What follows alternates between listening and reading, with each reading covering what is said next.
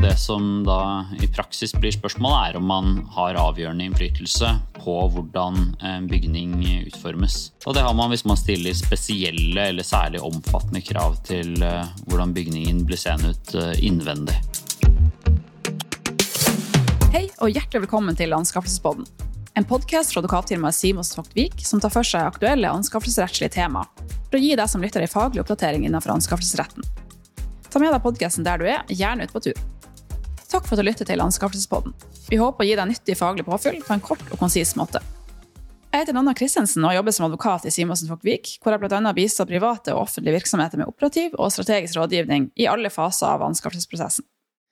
I dag skal min kollega Olav Haukeli og jeg ta for oss temaet leieinntaket i FOA paragraf 2-4 og ny praksis fra EU-domstolen og KOFA, som etter vår vurdering videreutvikler leieunntakets rekkevidde. Velkommen i studio, Olav. Takk for det. Gi våre lyttere en kort intro av deg sjøl. Ja, jeg heter Olav Haukli, og jeg jobber på Oslo-kontoret til Simonsen Vogtvik.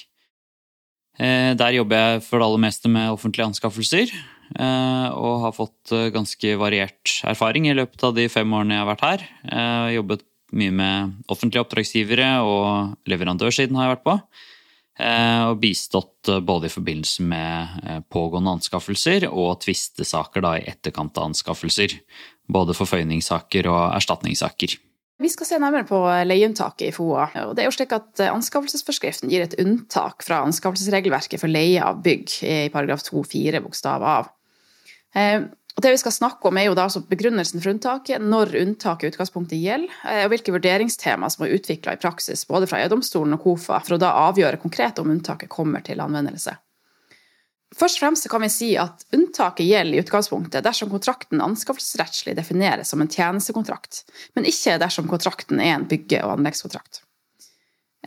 Begrunnelsen for å unnta eh, leie av eiendom fra anskaffelsesregelverket er at anskaffelse av denne type er avhengig av geografisk plassering.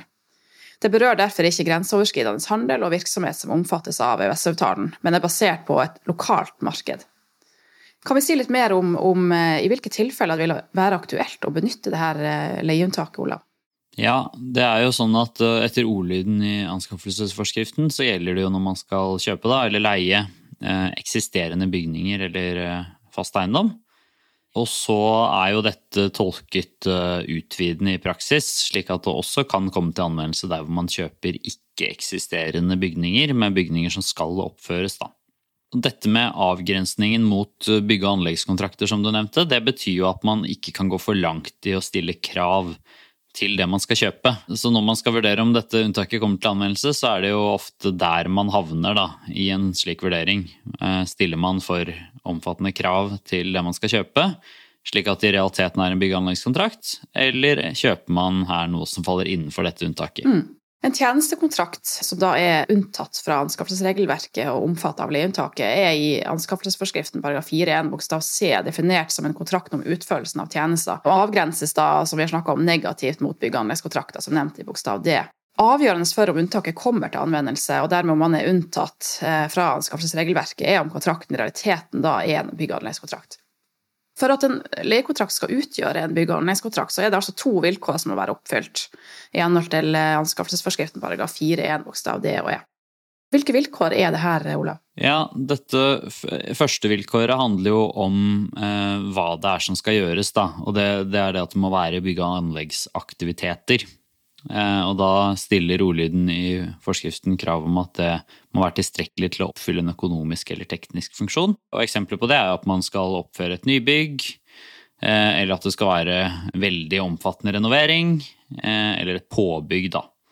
Så det, det, vilkåret byr ikke alltid på så veldig mye tvil, mens det andre vilkåret det handler om den innflytelsen som oppdragsgiver har da, på det arbeidet som skal gjøres.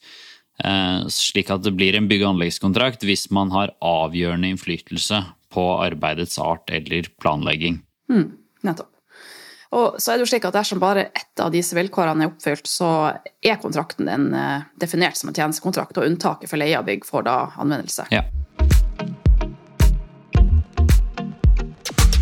Dersom det da foreligger blanda kontrakter, altså i de tilfeller hvor kontrakten inneholder elementer både av eh, tjenestekontrakt og bygg- og anleggskontrakt, så er det altså slik som vi skal snakke nærmere om, at praksis da har fastslått at det er kontraktens hovedformål som er avgjørende for hvilke regler som regulerer kontrakten.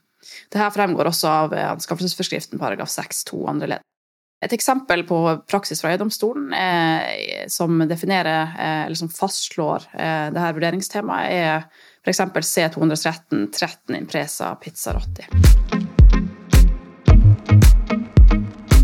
Da tror jeg vi skal gå eh, over på eh, praksis eh, fra E-domstolen. Det har kommet relativt ny praksis som, som etter vår vurdering videreutvikler leieinntakets rekkevidde. Og den avgjørelsen vi skal se på, er en avgjørelse i C537-19 Wienerwohnen, som da gjaldt en inngåelse av en leiekontrakt for en kontorbygning i Wien, som ikke var oppført på tidspunktet for inngåelse av leiekontrakten. I dette tilfellet så, så, var spørsmålet om oppdragsgiver hadde stilt krav som oversteg de krav som en leietaker vanligvis stiller til en bygning av den typen det er leiekontrakt.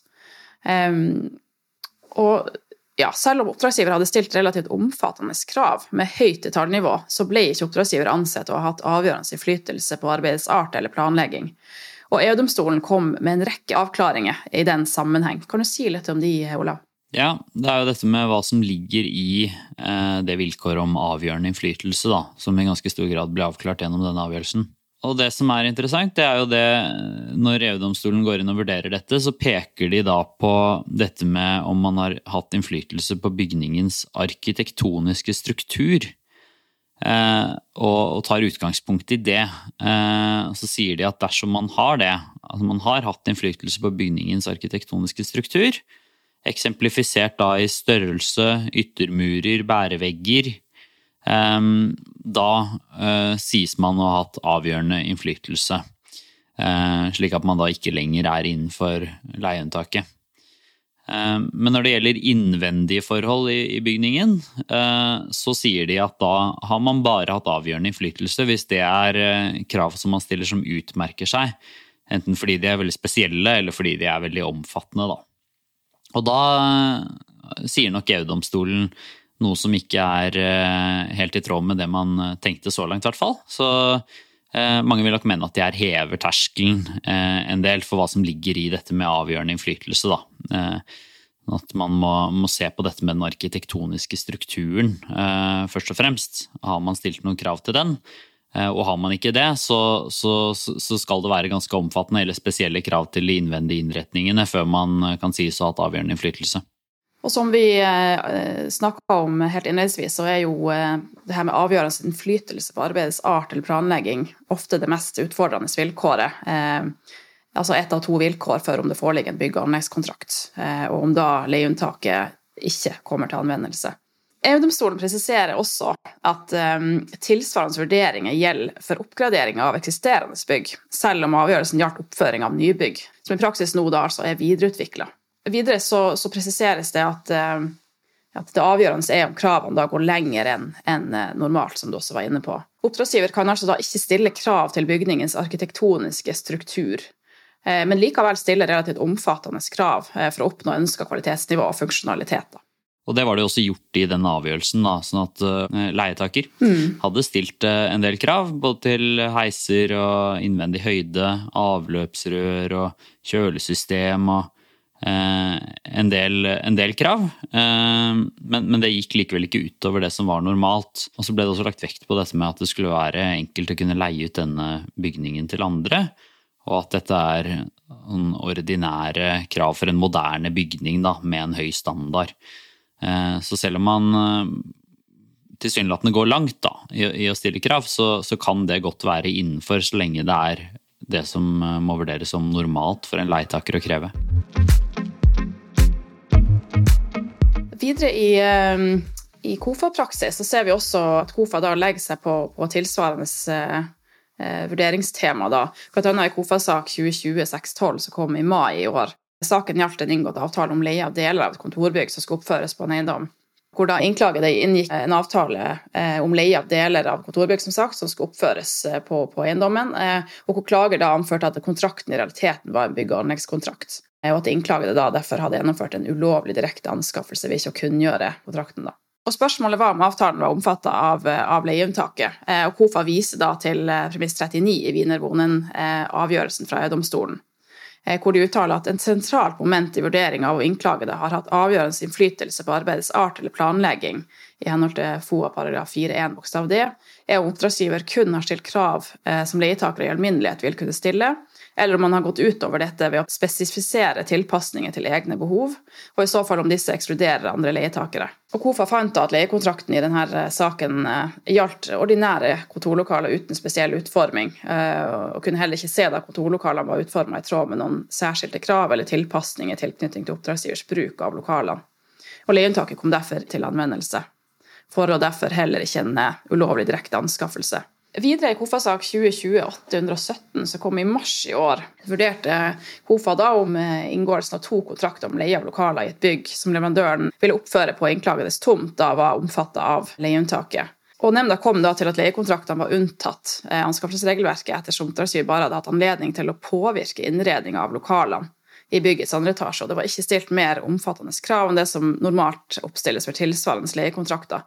Olav, i denne avgjørelsen, hva var det som var avgjørende for nemnda sin, sin konklusjon her?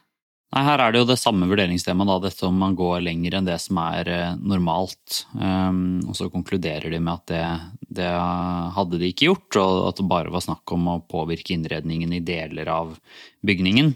Eh, I lys av den Wiener Vonn-avgjørelsen så ville man kanskje også ja, kanskje ikke trengte å legge avgjørende vekt på at man bare hadde påvirket innredning i deler av bygget, ettersom dette med krav til innredninger ikke i seg selv er nok, da, tilsynelatende ifølge EU-domstolen.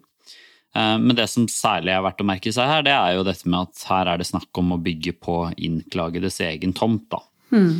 da er det jo interessant at KOFA likevel legger til grunn samme utgangspunkt for vurderingen i et slikt tilfelle, og at det ikke endrer noe på den problemstillingen da, som man må oppstille. Videre i KOFA-sak 2019-590, eh, som kom da altså i september i fjor. Der er gjennomført innklaget en konkurranse med forhandling for inngåelse av en kontrakt om leie av nye kontorlokaler.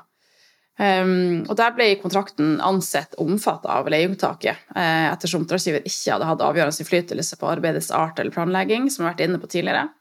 Til tross for omfattende og detaljerte krav til utforming av bygget, som bl.a. innvendig og utvendig areal, lyd, vinduer, innevegger, gulv, himling, innemiljø, elektrisk anlegg, universell utforming, miljø og sikkerhet, ja, og i tillegg til spesifikasjonen på møterom, venterom, toalett osv. Eh, men det var altså et kontorlokal som ikke kunne anses som krav som er mer omfattende enn det som er normalt for tilsvarende avtale om leie av kontorlokaler. Eh, men her var det litt spesielt eh, i og med at det var leverandøren sjøl som skulle stå for både prosjekteringa og utbygginga selv om da kravspesifikasjonen hadde omfattende krav. Kan vi si litt mer om eh, hva som eh, hva, hva nemnda vurderte her eh, i forhold til de andre sakene vi har nevnt? At det skal jo være en moderne standard, da. Og med de samme utgangspunktene som vi har snakket om tidligere, så er det jo da slik at man kan gå ganske langt til å stille i hvert fall innvendige krav. Eh, når man skal ha en moderne standard på bygningen. Eh, og man må, holde det opp mot hva som er vanlig da, for tilsvarende avtaler. Eh, når det er kontorlokaler, så må man se på hvilke krav er det som er vanlig å stille til kontorlokaler.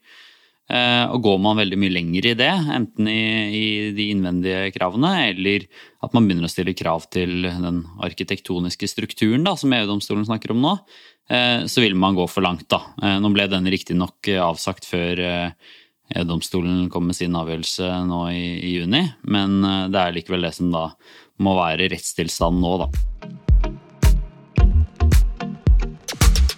Så kort eh, oppsummert. Ja, det, dette leieunntaket, da. Eh, det er jo da noe som gjelder i tilfellene hvor man skal kjøpe eller leie eh, en enten eksisterende bygning eller en bygning som skal oppføres, eller øvrig fast eiendom. Men ikke i de tilfellene hvor det i realiteten er en bygg- og anleggskontrakt. Og det som da i praksis blir spørsmålet, er om man har avgjørende innflytelse på hvordan en bygning utformes. Og det har man hvis man går for langt i å stille krav til de arkitektoniske, den arkitektoniske strukturen, eller at man stiller spesielle eller særlig omfattende krav til eh, hvordan bygningen blir seende ut eh, innvendig. Da tror jeg vi runder av og takker for oss. Olav, tusen takk for ditt bidrag i denne episoden. Takk for praten. Takk for meg. Tusen takk også til våre lyttere, som vi håper har fått nyttig faglig påfyll om leieunntaket i FOA. Kanskje fått gått en tur samtidig. Husk å følge Anskaffelsespodden, enten på Spotify eller Apple Podcast for å få med deg de siste episodene. Har du spørsmål til Anskaffelsespodden eller temaforslag, send oss gjerne en e-post til podcast.svw.no. Kjære lytter, ønsker deg hjertelig velkommen til neste podkast-episode. Ha det bra! Ha det bra.